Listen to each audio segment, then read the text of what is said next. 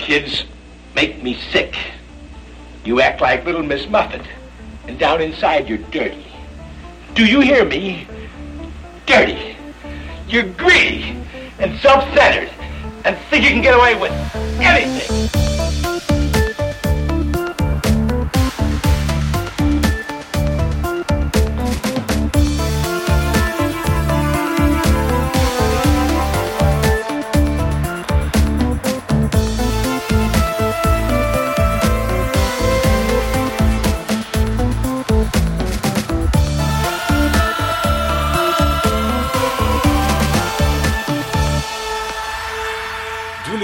På skräckfilmspodden Vacancy. Jag heter Erik Nyström. Och jag heter Magnus Johansson.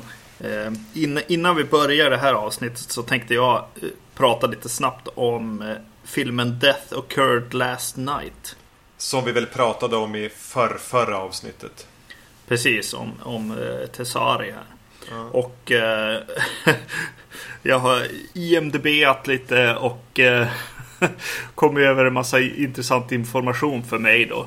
Eh, intressant information, bland annat att eh, de här sångerna vi pratade så go- gott om och använde också i början av avsnittet är till viss del skrivet av Tessari själv. Eh, Som jag tyckte var eh, intressant. Som vi hade helt missat. Och en annan sak som vi också hade missat i det avsnittet var att eh, den filmen är ju eh, baserad på en bokserie som också har fått fler eh, filmer. Så, så eh, just den här polisen, snuten i, i filmen som vi väl tyckte mycket bra om har, eh, finns i, i ett par andra filmer också från Italien. Någon slags italiensk Wallander då. Ja, precis. Ja, på något sätt. Aldrig spelad av, eh, av samma eh, skådespelare tyvärr. Men eh, jag beställde en av dem. Ja, ja, det måste ju undersökas. Ja, precis. Ja, ja det ska bli spännande. Det är bra att vi gör research några veckor efter avsnitten. Exakt. Yes. Ja, men du, det är ju inte därför vi är här. Det här är det första avsnittet i vårt tema för året. Herschel Gordon Lewis, The Grandfather of Gore. Eh, som han ju kallades. Eh, dog i fjol och eh, gjorde ju massa, massa film på eh, 60-talet bland annat. Som väl startade någon slags, ja, Gore-kulturen kanske. Jag skulle vara så vänlig och, och, och berätta om den här mannen för min sambo. Du vet som man gör. Hon är helt var helt ointresserad av att höra. Då sa jag liksom det du sa, Herschel Gordon Lewis. Han kallades väl The Grandfather of Gore. Hon bara, är det därför det heter Gore? Och jag, vadå, vad menar du? Ja, Gordon. Gordon. ja, Nej, det, det, det är det nog inte. Det tror jag väl inte. Men jag hade inte tänkt på det. nej, nej, nej. Roligt. Ja, eh, vi, det, det kom ju även en box då i, i, i höstas, strax innan han dog. Ja, precis. Från Arrow. Gigantisk sak. Ja, naturligtvis från Arrow. Eh, och vi utgår väl lite grann från den då. Det kommer att bli fyra avsnitt eh, med tre filmer i varje. Ja. Och vilka eh, börjar vi med? Vilka tre filmer? Ja, precis. Vi börjar väl eh, i, i början av i alla fall boxen. Eh, och pratar om eh, Blood Feast från 63. Eh, Scum of the Earth från samma år. Och 2000 Maniacs från eh, 1964. Eh, så året efter då. Har du någon relation till eh, Herschel Gordon Lewis? Nej, det har jag verkligen inte. Nej, du har inte sett någon av de här tidigare. nej, nej. Jag har sett ett par. Okej. Jag kan återkomma till varför jag hamnade där. Eh, Jag har sett Blood Feast tidigare. Mm. Mindes inte så mycket. Men eh, den handlar om en Fouad Ramses. En eh, butiksinnehavare som eh, medelst mord ska åkalla eller återuppväcka Ishtar. Och det här känns ju lite bekant va? Ja, ja, exakt. Ja, det gör det. Eh, Vi pratade om en film i, i, i höstas någon gång som heter Blood Diner. Mm. Och då nämner jag i den att det var eh, någon slags andlig uppföljare till Bloodfeast. Det var tänkt som en uppföljare men sen hade de valt att frikoppla den. Och eh, jag mindes inte hur vansinnigt lika de här två filmerna är. Nej, exakt. Nej. ja, nej, det slår den ju. Just de här ancient weird religious rights. Ja. Eh, mm. Ja, det behövs inte så mycket god vilja för att knyta samman dem. Eh, speciellt inte i slutet så kan man ju se eh, Blood Diner som en direkt uppföljare. Ja, precis. Exakt. Eh, Med tanke på hur den börjar och hur den här slutar. Eh, lite grann. Men jag har Ja. sett eh, filmer i samma serie där sluten, slutet på den föregångaren har gått sämre ihop med början på efterföljaren än här. Ja. Jo, men exakt. Det är ju verkligen, verkligen eh, så. Så det, det, ja, ja, det är kul att ha sett, ha sett eh, Blood Diner. Ja, innan eller efter den här då. Ja, alltså det gjorde ingenting att ha sett den innan tror jag. Det blev på något sätt förhöjde den här filmen. Ja, Eh, Men man borde väl kanske ge lite kontext i att det här är extrem låg budget. mm. Från tidigt 60-tal. Den spelades in på typ, jag läste lite olika info, men an, antingen fyra dagar eller nio dagar. Mm. Någonstans däremellan kanske sanningen ligger. Och det är ju helt jävla vansinnigt få dagar på att spela in en film. Ja. eh, precis, jo men eh, precis. Man ser ju det på nästan alla hans omslag eh, på filmerna. Att de är så här eh, photocopied. typ eh, affischerna här. Det är ju häftigt egentligen på ett sätt att ha en, en nisch så, eh, så mycket som regissör. Eh, att, man, att, att man ser på omslagen eller på posters att det är han som har gjort filmerna. Liksom. Det är någon slags eh, väldigt ljusa omslag med eh, Ja, nej men det, eh, det är väldigt specie- speciellt. Gå in på, på IMDB till exempel och eh, Ja. kolla hans liksom, credits för directing till exempel. Eh, och du, du ser likheten mellan, mellan de här postersna som, som ligger där. Även där ser man ju att de är billiga. Mhm. Alltså att det ska vara mycket vitt. Ja, För det måste ju bli billigare att trycka upp. Ja. På tal om, om att Cesare hade gjort musik här så Herschel Gordon Lewis är eh, krediterad i regi, foto och eh, huvudmelodin egentligen ska Mm. det vara. Eh, i, I filmen. Eh, och hans eh, fru har skrivit den. Alison Louise Bone eller något sånt heter hon. Ja, jag har inte Down, koll- kollat Down upp. kanske. Förlåt. Mm. Han hette väl inte, kallade sig väl inte för Herschel Gordon Lewis här? Gick, gjorde han inte den här under namnet... Eh, vad fan var det? Nästa, nästa film, Scum of the Earth, eh, noterade jag att han, han hette Louis H. Gordon. Ja, jo, precis. Och jag undrar om det stod så i den här också. Ja, kanske, kanske inte. Skitsamma. Men nu är vi där och gör dålig research i efterhand igen. Ska skärpa oss. Bättring, Ja. bättring. Ja, precis. Och eh, Goret börjar väl eh, egentligen ganska tidigt här. Eh, när eh, han hugger av benet på någon. Mm. Alltså det är kött, köttigt blod. Alltså man eh, lägger en massa eh, bitar eller typ eh, kycklingfiléer eller någonting på allting också. Så att det ska vara extra liksom eh, jobbigt att se på på något sätt. Eh, någonting som irriterade mig under den sekvensen var att liksom det var vissa saker som var off-screen. Till exempel att han hugger benet där liksom. Mm. Och eh, att de då inte fyller på med ljudeffekter. Utan det är verkligen så här. Ja, du får tänka dig in det liksom.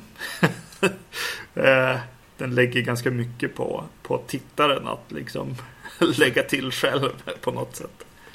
Inte bara där man väljer att inte visa, alltså där man även väljer att inte låta. Får man- Nej, precis. Ja. Jo, när man får skarva en hel del. Man får även blunda för en hel del. Mm. Och så när det väl sätter igång den här filmen och, och, och man, man börjar så här eh, ska få det här my- mysteriet eller eh, liksom polisarbetet ska gå igång så sitter liksom polisen Ja men alltså de har, de har satt att prata illa om polisarbetet. Eh, att de inte hittar den här seriemördaren. Eh, har de lagt mm. på polisen själva. Att eh, prata om sitt dåliga arbete. Ja. som de gör eh, länge och... Eh, Statisk kamera som bara är uppställd också. Ja, precis. Eh, alltså, spontant så tänker jag så här, ja men ge, ge den typen av, av skit, typ skitsnack om poliser till liksom journalister eller några suputer i en bar eller någonting sånt liksom. Vet du hur många extra skådisar det skulle kräva?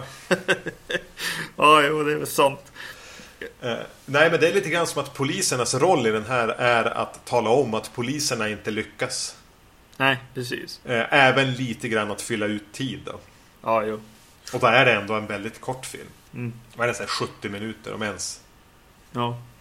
Ja, och så hela det här guda, gudaspåret tycker jag är lite kul liksom. Äh, att Ishtar-grejen då och så vet det att äh, mördaren heter Ramses i ja. efternamn. det är som äh, lite finurligt så här. och ganska snabbt påkommet. ja, ja, exakt. ja. Och den bygger ju egentligen på de här poliserna som sitter och säger att de inte åstadkommer någonting.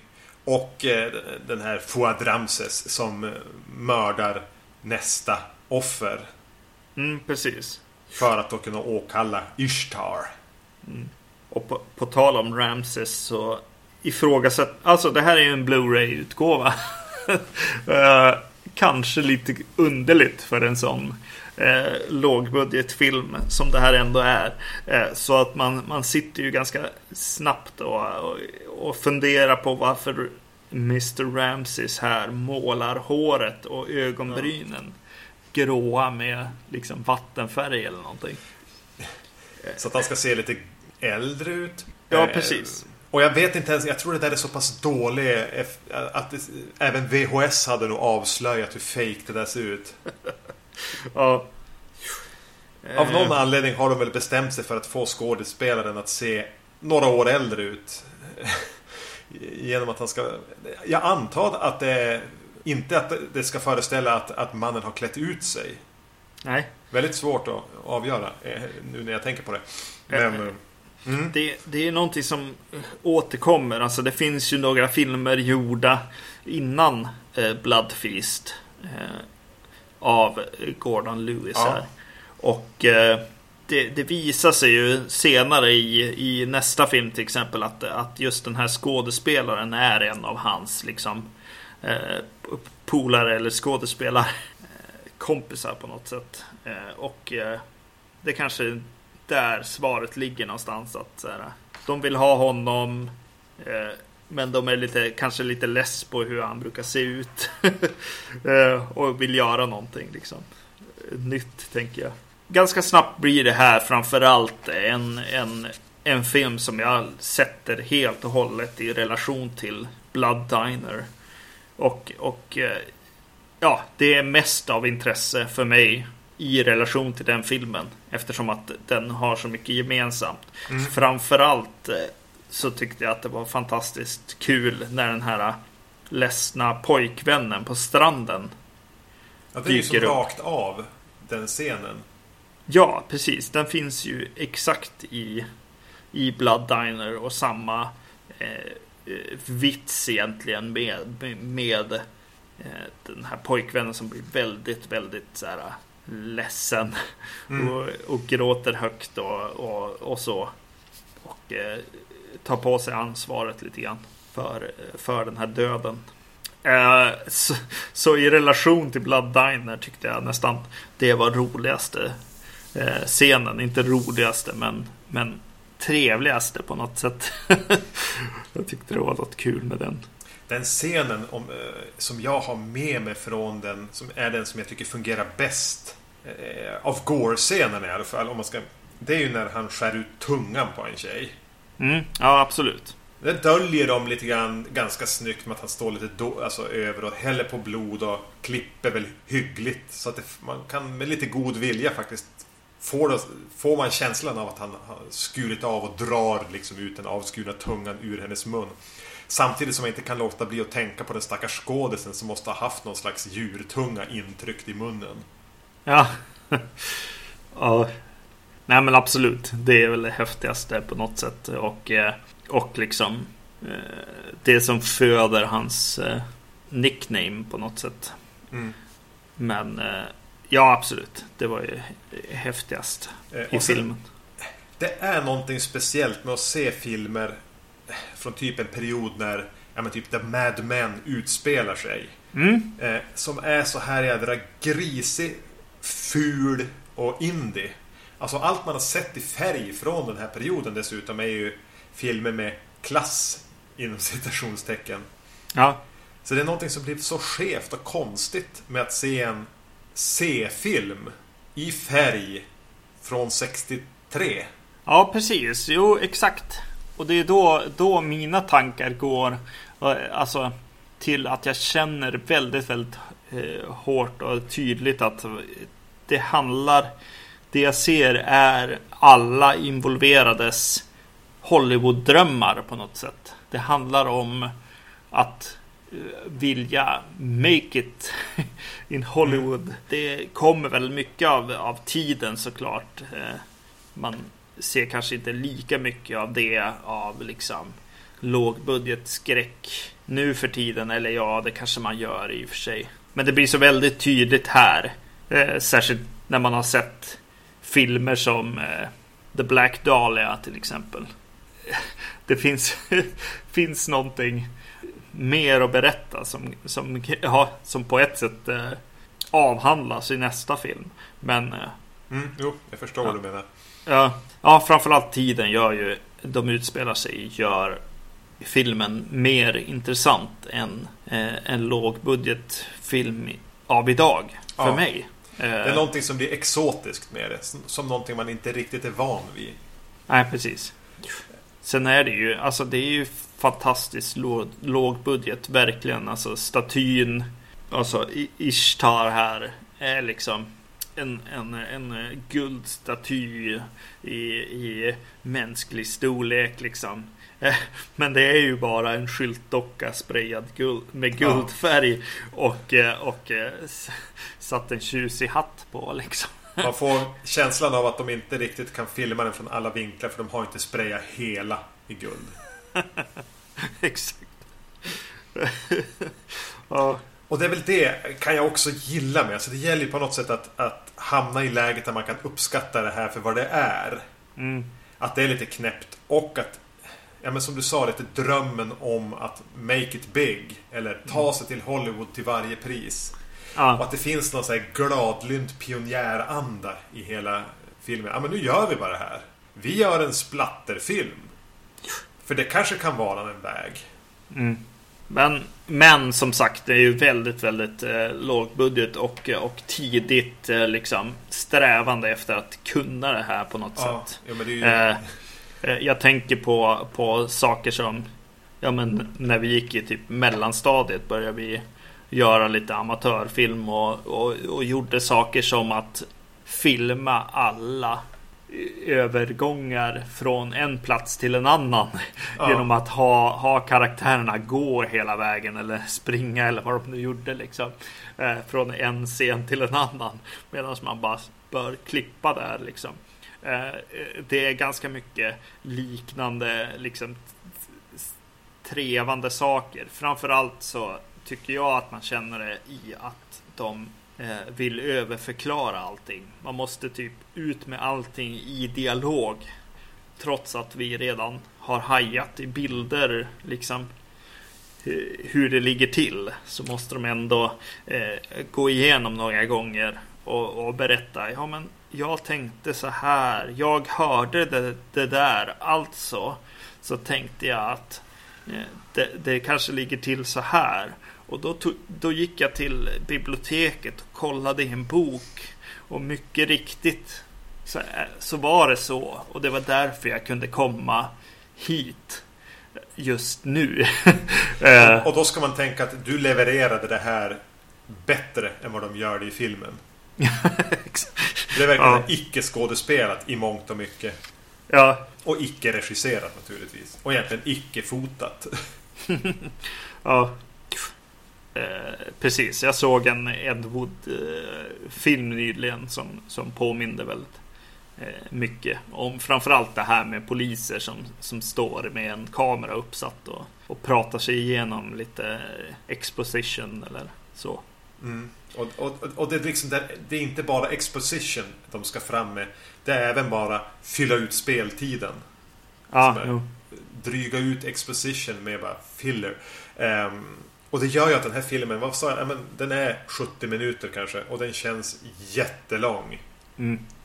Så den är lite sm- småtrög att titta på. Det är den ju. Ja. Men ändå, alltså det här måste ju vara eh, bland de första slasherfilmerna. Mm. eh, Och bland de första splatterfilmerna. Så nå- eh, någonstans är den ju viktig. Ja. Den har ju definitivt spelat en viktig roll i skräckfilmsgenren. Som en av de filmer som ändå blev en framgång som bara köttade på med blod och slamsor. Mm. Ja, ska vi gå vidare då till Scum of the Earth? Det kan vi göra. Kort parentes bara. Ja. Det finns en uppföljare till den här som inte är Blood Diner. Ja. Det finns Blood Feast 2 och under 2016 så verkar det ha kommit en remake. Ja. Jag vet inte om det är intressant information eller inte. Men nu har jag åtminstone gjort researchen i förväg. Yes. Den här att, eh, uppföljaren, tvåan, var väl eh, Herschel eh, Gordon Lewis själv som gjorde efter ett ganska långt uppehåll Ja, i Hollywood. Kom eh, liksom på senare år på ett sätt liksom. I, i, i vacancy-år. eh, tänkt i alla fall. Under våran levnadstid i alla fall har jag för mig. ja jo, jo, den är inte så jädra länge sedan den kom. Nitt- 90-tal kanske. Ja. Yes. ja, men som du sa, Scum of the Earth. Eh, samma år, eh, och som jag förstod det så drog de igång och spelade in den eh, någon vecka senare. Precis, eh, det här är ju en sån regissör som har liksom kanske 6 till 8 credits per år. eh, Ibland liksom. Ja. Mm. Och den här handlar om eh, avskum som eh, lurar unga flickor att eh, låta sig fotograferas lättklädda eller nakna eller i sexuella situationer. Och så säljer de bilderna och tjänar pengar på det. Mm. Den här är svartvit till skillnad från föregångaren. Just det, hans eh, sista svartvita film. Eh, i, på boxen här så är Herschel Gordon Lewis med eh, innan varje film och eh, säger några ord om, om dem. Så, så den lilla informationen som jag kan ge eh, ha, kommer därifrån. Direkt Från- från hans mun. Eh, Precis, från introduktionerna. Han var ganska glad i att ha gjort de här filmerna och framförallt i att ha liksom satt nya standarder och liksom eh, kommit på under eh, kategorier liksom eh, genrer liksom och så. Eh, han verkar ju väldigt väldigt eh, både nöjd och glad att han har gjort de här Ja, Men eh, vad filmerna. skönt. Alltså Ja. att han... För jag skulle också ha varit väldigt stolt över att ha den här repertoaren. Även om det är verkligen B slash C-filmer. Så har de ju... Han var ju med och drog någonting. Mm. Framåt. Undrar hur han och Roger Corman i ett rum. Ja, ja precis. De hade man velat gå ut och ta en öl med. Ja, Nå, nå, nå ja. Eh, Scum of the Earth. Eh, svartvitt foto. Eh, som tydligen var för att den skulle få en lite mer smutsig och gritty känsla. Mm. Det jag tyckte var intressant med den här, som slog mig efter bara några minuter in i den. Det var att eh, Lewis hade ju tidigare i karriären gjort såna här nudie cuties filmer. Och det känns ju lite grann som att han vet lite för mycket om att lura unga flickor att ta av sig kläderna framför kameran. Ja. Jo, alltså. Är det här att han försöker göra upp med sitt förflutna eller? Ja, precis. Jo. Eh, precis, för det handlar ju väldigt mycket om, om den här eh, undre världen och eh, utpressning av liksom eh, unga eh, kvinnor. Eh, alltså, alltså att se den här filmen gör en ju ganska upprörd. Jag satt bäst och bara, vad håller vi på med? Vad ser vi för någonting nu? Och så här. Eh, och, eh, men samtidigt blir man hela tiden påmind om att han, han pratar ju om någonting här. Mm. Eh, framförallt då i, i titeln. Han är väldigt tydlig med vad han tycker om vad som händer i den här filmen. Och den verkar verkligen genuint intresserad av det. Ja.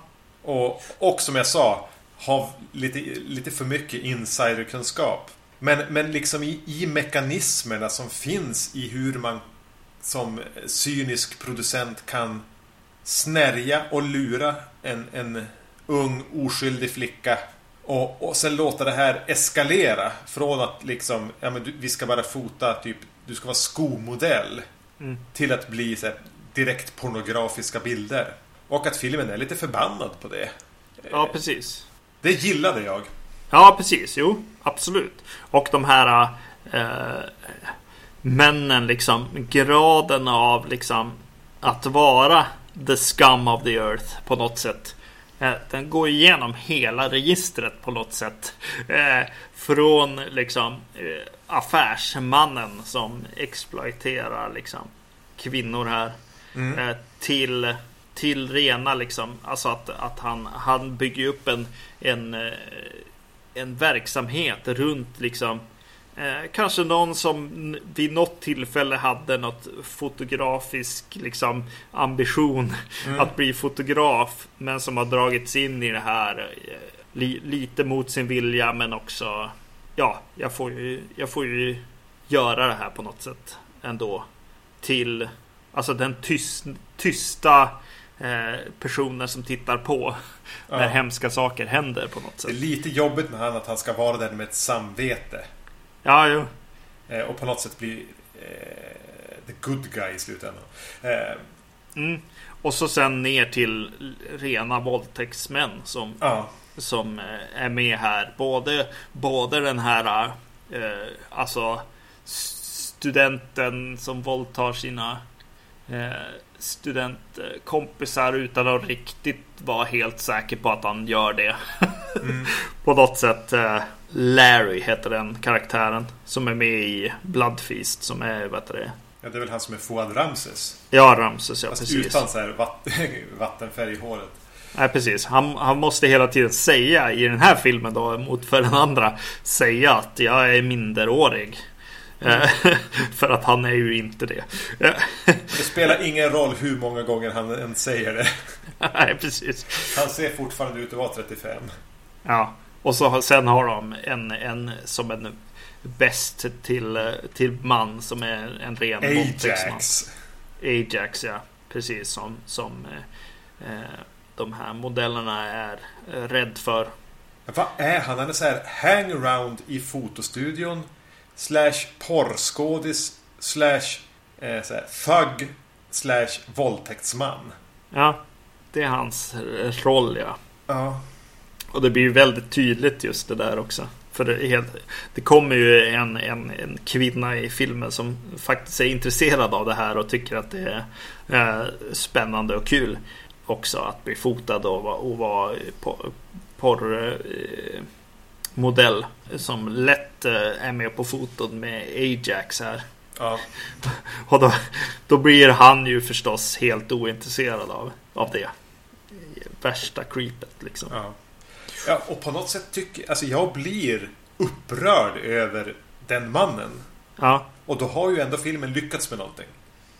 Jag tycker jag, jag tycker så. Jag, jag sitter och är liksom när jag ser den att jag sitter och är, är arg och sur och tycker så här bara men det här är inte värt att titta på. Man blir lite så här ja, arg av den. Men, men eh, bara nå- någon dag här efter den så, så känns det ju ändå som att den är den är, den är tydlig med vad den tycker. Eh, vilket är väldigt, väldigt skönt för den här filmen.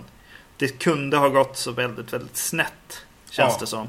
På Eh, något sätt så är den här tydligheten och ilskan som gör att den inte känns så exploaterande som den så lätt skulle kunna göra. Mm. Och, och jag tror lite grann i det ligger att den, att den har ett insiderperspektiv. Det här är någon som har varit i branschen. Det här är på något sätt lite grann ett förlåt också. Mm. För den vet så mycket om mekanismerna och strategierna som de här cyniska jävla porrgubbarna använder sig av. Som till exempel den här kvinnliga huvudpersonen kan man väl eh, säga att det är. Men hon som vill ut ur branschen. Men de använder henne för att locka in nya. Ja. Eh, För det, det är lättare för en, en ung oskuldsfull tjej att, att eh, lyssna och lita på en några år äldre tjej än på typ en 52-årig gubbslusk. Ja. Om hon säger det så får det mycket mer större trovärdighet. Ja. Just de, de bitarna är lite otäckt att Louis vet om. Och det tolkar jag som att han har gjort samma sak själv. Ja, just det. Mm. Det känns lite också som att, att filmen är någon slags varning för kvinnor och eh, någon slags så här. Hej, så här, gör så här, tänk på det här. Eh, lita inte på, på männen och sånt. Att, att på något sätt så presenterar den en lösning i att, att tänk på att det kan hända sånt här. Eh, för kvinnor snarare än att, att verkligen understryka för männen att gör inte så här. Lite grann eh, får jag en, en liten känsla av. Det kanske är det, det lilla olustiga som ändå ligger kvar i filmen. Att, att det är just en, en varning för, eh, för kvinnor hur de, hur de kan hantera såna här situationer. Precis, det blir en sån här varning till kvinnorna. Se upp för männen. Det blir inte en, ett budskap till männen. Eh, Var bara schyssta, okej? Ja, precis. Nej, exakt. Eh, Och den är ju lite seg. Och lite skitig. just det, ja det är den. Eh, Och, och det är lite ovant att se naket i så här gamla filmer. mm, Och det är lite tråkigt. ja. Men den är rätt kort. Ja, jag tycker den eh, eskalerar liksom. Den är- har ju liksom någon slags pacing här ändå. Eh, och hur den eskalerar i slutet och sånt gör att man eh, till viss del kanske även glömmer bort lite hur äckligt och jobbigt det där var ändå. eh, resten av filmen. Mm. Att den får någon slags eh, actionslut nästan. Ja, jag vet inte. Och så, och så måste man ju nämna också att vad heter det, den har värsta greppet i, i slutet också med en röd ruta. Ja, Som eh, dyker upp liksom. Det är no, några frames som är helt röda eh, i slutet i en svartvit film. Alltså det, det fanns något lite, lite eh, roligt grepp där ändå. Kände du igen mannen som spelade fotografen? Ja, jag gick och tänkte på honom, ja. Ja. Men Att han var med i Bloodfeast och spelade polisen, huvudpolisen i den. Ja, det gör han. Ja, Ja, precis. för jag, jag, jag kände inte igen honom. Nej, det var svårt att, att, att eh, hänga med på det. Eh, ja, absolut. Yes. Jag vet Eh, att jag gillade snuten i Bloodfeast. Trots att han måste berätta en massa saker Ja. och sånt. Men det fanns någon charm liksom Ja, där. man märker... Här blev jag uppmärksam. Ja, men vänta nu, det här är en riktig skådis. Mm. Eh, han heter Thomas Wood och eller William Curvig. Han verkar ha prövat lite olika namn för att få fart på sin karriär. Mm. Eh, men han är den som även har haft en karriär. Ja, Alltså han gjorde skitmycket TV. Alltså före, efter och under hela 70 och, under 80-talet. Så var han ändå och gjorde några små roller i större filmer också. Mm. Så ja, precis. man kan se att han har en slags charm. Han, han, han sticker ut lite mer än, än, alla de här andra pappfigurerna. Jo, precis. Ja, framförallt har han ju det. Att han är en charmig eh, person. Så är det ju bara. Och han dyker ju även upp i nästa film. Precis. Eh, 2000 Maniacs från 64. Ja. Och eh, det här var ju den första Herschel Gordon Lewis film jag eh, såg. Och hur såg jag den? Du såg den i relation till remaken? Nej. Nej. Jag såg den här på bio. Jaha, okej. när jag bodde i Umeå, alltså, sent 90-tal och tidigt 2000, så var Umeå filmfestival väldigt stor. Mm. Eh, förmodligen större än vad, vad de hade budget för eftersom den ha havererade så småningom. Men då hade de en, en, en eh, del som heter Cinema Obscura. Eh, och något år var jag eh, väldigt nitisk att bara gå på de filmerna. Och då såg jag, eh, förutom då 2000 Maniacs, eh, Blood and Black Lace. Mm. Och en film som heter Ich ein Groupie. En tysk flummig film om groupies och så här, sent 60-tals eh, rock. Okej. Okay. Ut, helt utan handling. Ja, men sånt. ja. Eh, och då vet jag att jag såg den här och då eh, han som presenterade filmen sa innan att kom igen nu publiken, sjung med i ledmotivet. Ja. Eh, och det var väl den filmen som gjorde mig uppmärksammad på att Herschel Gordon Lewis fanns. Och att jag ens eh, bemödade mig med att sen leta upp och se den, de tre, fyra filmer jag faktiskt har sett av honom sen tidigare. Mm. Eh, några ungdomar eh, i varierande ungdomsålder blir inlurade i en liten sydstatshåla som ska fira någon form av jubileum och, och de verkar vara väldigt viktiga för det. Eh, nämligen som någon slags offer. Ja, det är väl den. Ja. det den handlar om. Precis, det är folk som, som kör längs landsvägen och eh, blir lurade av den eh, med skyltar av, av de här eh, sydstaterna. Mm. Eh, och eh, utvalda om det är tre par? Jo. Ja, det är två par och, och, och så det här paret som har just träffats. Hon har plockat upp han som liftade för att hans bil hade gått sönder. Precis. Han i det paret spelas då av den här Tom Wood killen. Mm. Den riktiga skådisen. Yes. Uh, den här filmen är fotad, skriven av, regisserad och den här uh, temalåten I guess att det är den som ni skulle sjunga med i. Ja, The South Gonna Rise Again. Ja, precis. Det känns som att vi måste få in den någonstans i det här avsnittet. Ja, ja det får vi göra. Väldigt obehaglig eh, sång. som den här börjar med. Med, med eh, full on banjo och, eh, och så här, ja, sydstatar eh, värderingar i. Ja. Ja, just att de kommer där och kör, kör med bilarna och kommer till någon, någon liten håla liksom. Och, eh, som man förstår ganska snabbt att de kommer att bli någon slags uh, offer för byns invånare här. Gör, gör väldigt fort för mig att jag börjar tänka på Children of the Corn. Mm. Jag tänkte väldigt mycket på Stephen King. Ja, just det. Mm. Alltså, känns precis som någon av hans kortare noveller. Eller hela filmen. Ja. Och tills, även med den här lilla twisten i slutet. Ja, just det. Jo, och, och, och Children of the Corn, absolut. Att det bidrar till att föra tankarna ditåt. Ja, ja. Såklart, just det. Ja, någonting som slår mig väldigt tidigt i den här som, som gör att det blir Det blir eh, rent jobbigt att se. Och det är hur skrikig filmen är eh, ljudmässigt. Alla karaktärer står och bara skriker saker på, på eh, så, så sydstatsmässigt liksom som de kan och eh, eh hela alla de här 2000 eh, invånarna, ja. vilket de ju inte är, men, men alla som är eh, runt omkring. 25 i alla fall.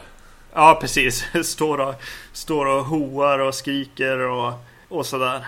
Och jag bara, jag, ja, det, det irriterar väldigt, väldigt mycket i de scenerna där, det, där byborna är med. Och det är ju nästan alla scener.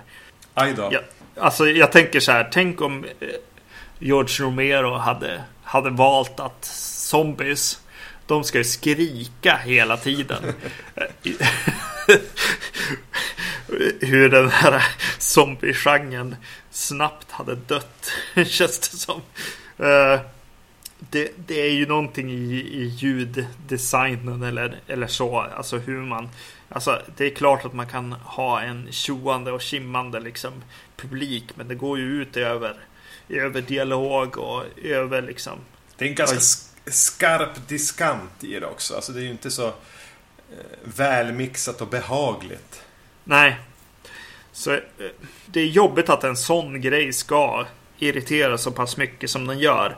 Eh, och eh, ja, det blir svårt för mig att liksom börja känna för de här karaktärerna som, som en efter en blir inlurade i olika eh, delar av den här eh, ja, men olika ceremonier egentligen i det här mm. firandet. Vet du, jag tänkte ingenting på det. Alltså nu när du säger det, ja, alltså den är ganska skrikig. Men det var ingenting som störde mig. Ja, okej. Okay, jag får lite så live-känsla av den. Ja, alltså jo. att den är nästan ja, som en live-skiva. Ja, jo, jo det är det ju. Ja. Vilket även går igen i, i återigen hur så här icke-fotad den är. De har bara ställt upp kameran. Försöker få med så många som möjligt i varje bildruta. Mm. Det är färg igen. Mm. Eh, och det är så slappt. Och det är av, av de här tre filmerna är nog den här där negativen verkar vara i sämst skick. Det är väldigt slitet. Ja, det ser väldigt dåligt ut. Ja, och, vet du vad det fick mig att tänka på som bidrar till den här livekänslan? Biobesöket? Ja, det, det, var förmodligen i eh, betydligt sämre skick. Men mm. du vet den här Zapruder-filmen från Kennedy-mordet? Ja, just det. Den känslan får jag av den här filmen. Och jag vet inte, det är ett ganska neutralt påstående. Det är varken positivt eller negativt. Mm. Um, men det ger en så här ruffig kant till den. Ja. Men, men okej, okay, eh, om du lägger allt det här skriket, skri, irritationen över skrikigheten åt sidan. Ja, då är det ju någonting som är intressant här. Utan att pra prata ganska brett om de här filmerna. Uh, 2000 Maniacs påverkar ju en ganska fort liksom. Det är ganska enkelt att börja bli liksom illa till mods. Uh, musiken här i början. Uh, de, uh, alltså det är så mycket sydstatsflaggor i den här filmen så det finns inte. jag trodde och, det var norska flaggor först. Jag tänkte vad i helvete. Sen förstod jag. Jag har aldrig slagit mig för hur lik sydstatsflaggan är den norska flaggan.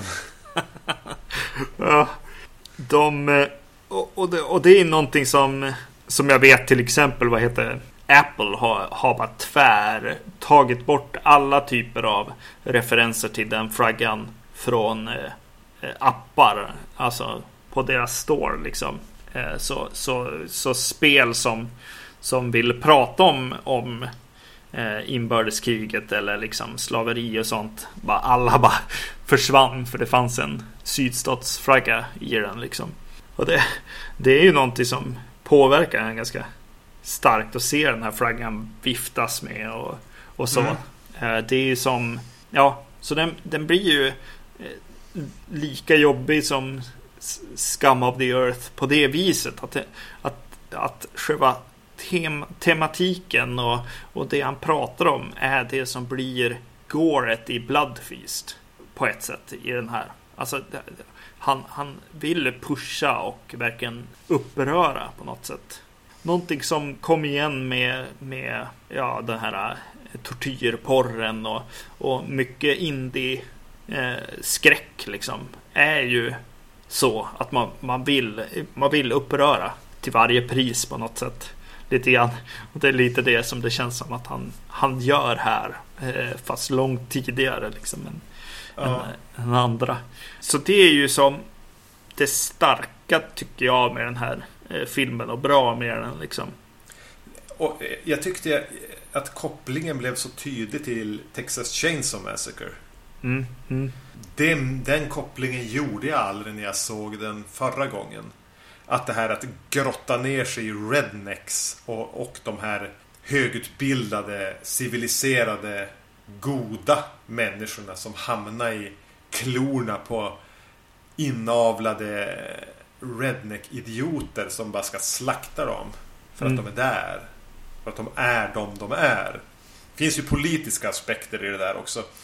Eh, men ja, det, det är så, jag blev lite förvånad över hur tydligt det var här och att Texas Chainsaw Massacre har lyft så mycket av de idéerna härifrån. Jo, så är det ju verkligen. Eh, ja, ner till tjoande och kimmande. Ja. Och han lyfter henne. Eh, bland annat. Mm. Och pappan. Eller vad man ska kalla. Mm. Och så sen har den ju liksom, sen är den ju, gör den ju lite Bloodfeast-grejen här genom att, eh, att eh, rada upp några eh, riter på ett sätt. Ja. eh, här. Som ju ska vara lite så här eh, fyndiga på något sätt. Mm. Det är mycket så här eh, dialog där de försöker vara roliga utifrån vad som kommer att hända personen i fråga. Eh, planeringen av det att eh, ja, du får, du får verkligen inte missa grillningen så här och så bara eh, eller om hon säger jag vill inte missa grillningen och så bara ja, nej, det kommer du inte göra.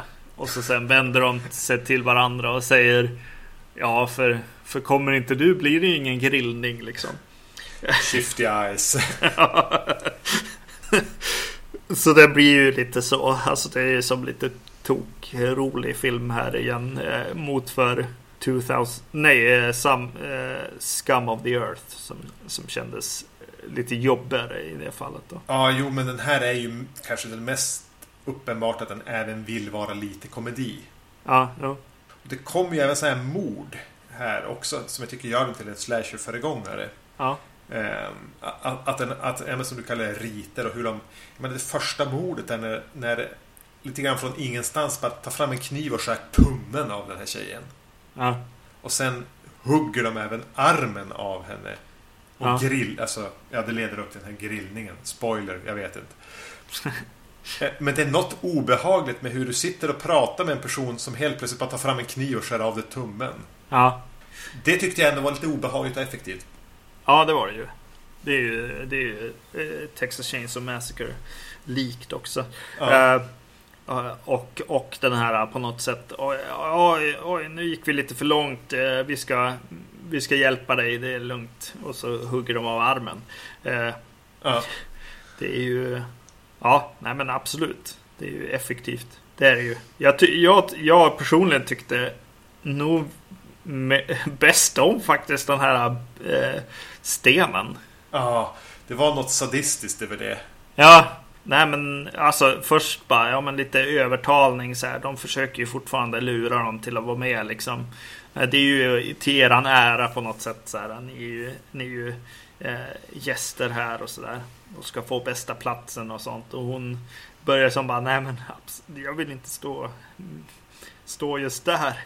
Eh, och eh, hur det då eskalerar och blir eh, jobbigt. De tvingar en att referera liksom. Ja. Ja, Tunnan då? Ja, men det var väl lite finurligt. Ja, lite kreativt. Jag tycker det är sånt här mord som... Det är det jag minns tydligast från den. Just det. jo, men absolut. Va? Ja, vad kul. Jag blir mycket mer positiv mot den. Bara när man pratar om den. Ja. Än, än när jag ser den kanske. Eh, för man tar bort en massa. Eh, en massa mellan eh, snack och sånt. Och ja, något som räddade upp den tyckte jag också. Som blir lite mer viktigt mot slutet är ju att, att han, fotografen från Scum of the Earth, att han, liftaren, har den här charmen som han Ja. har. Eh, och, och kan eh, ta oss igenom liksom filmens andra hälft kanske.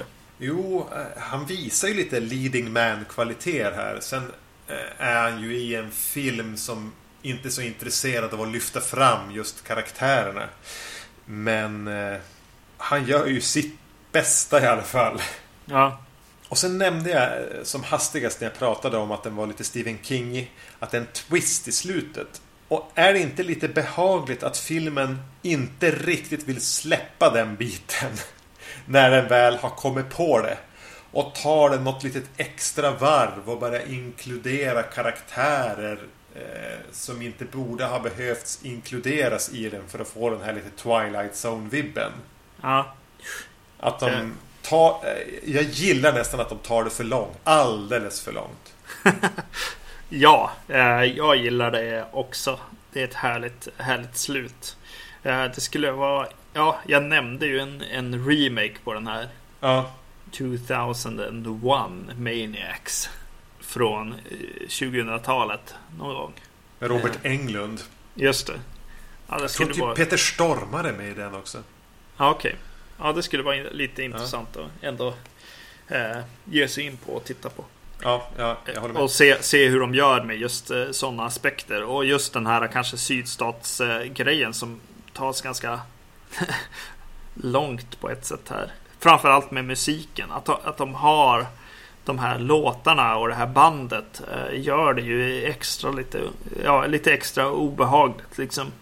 För, för det blir, blir lite otydligt vart den, vart den vill att man, vem man ska hurra på på något sätt. Ja. Eftersom att musiken ändå på, samtidigt också är bland det trevligaste som dyker upp i filmen. eh, jo, men den har ju, eh, eh, det finns ju energi i musiken.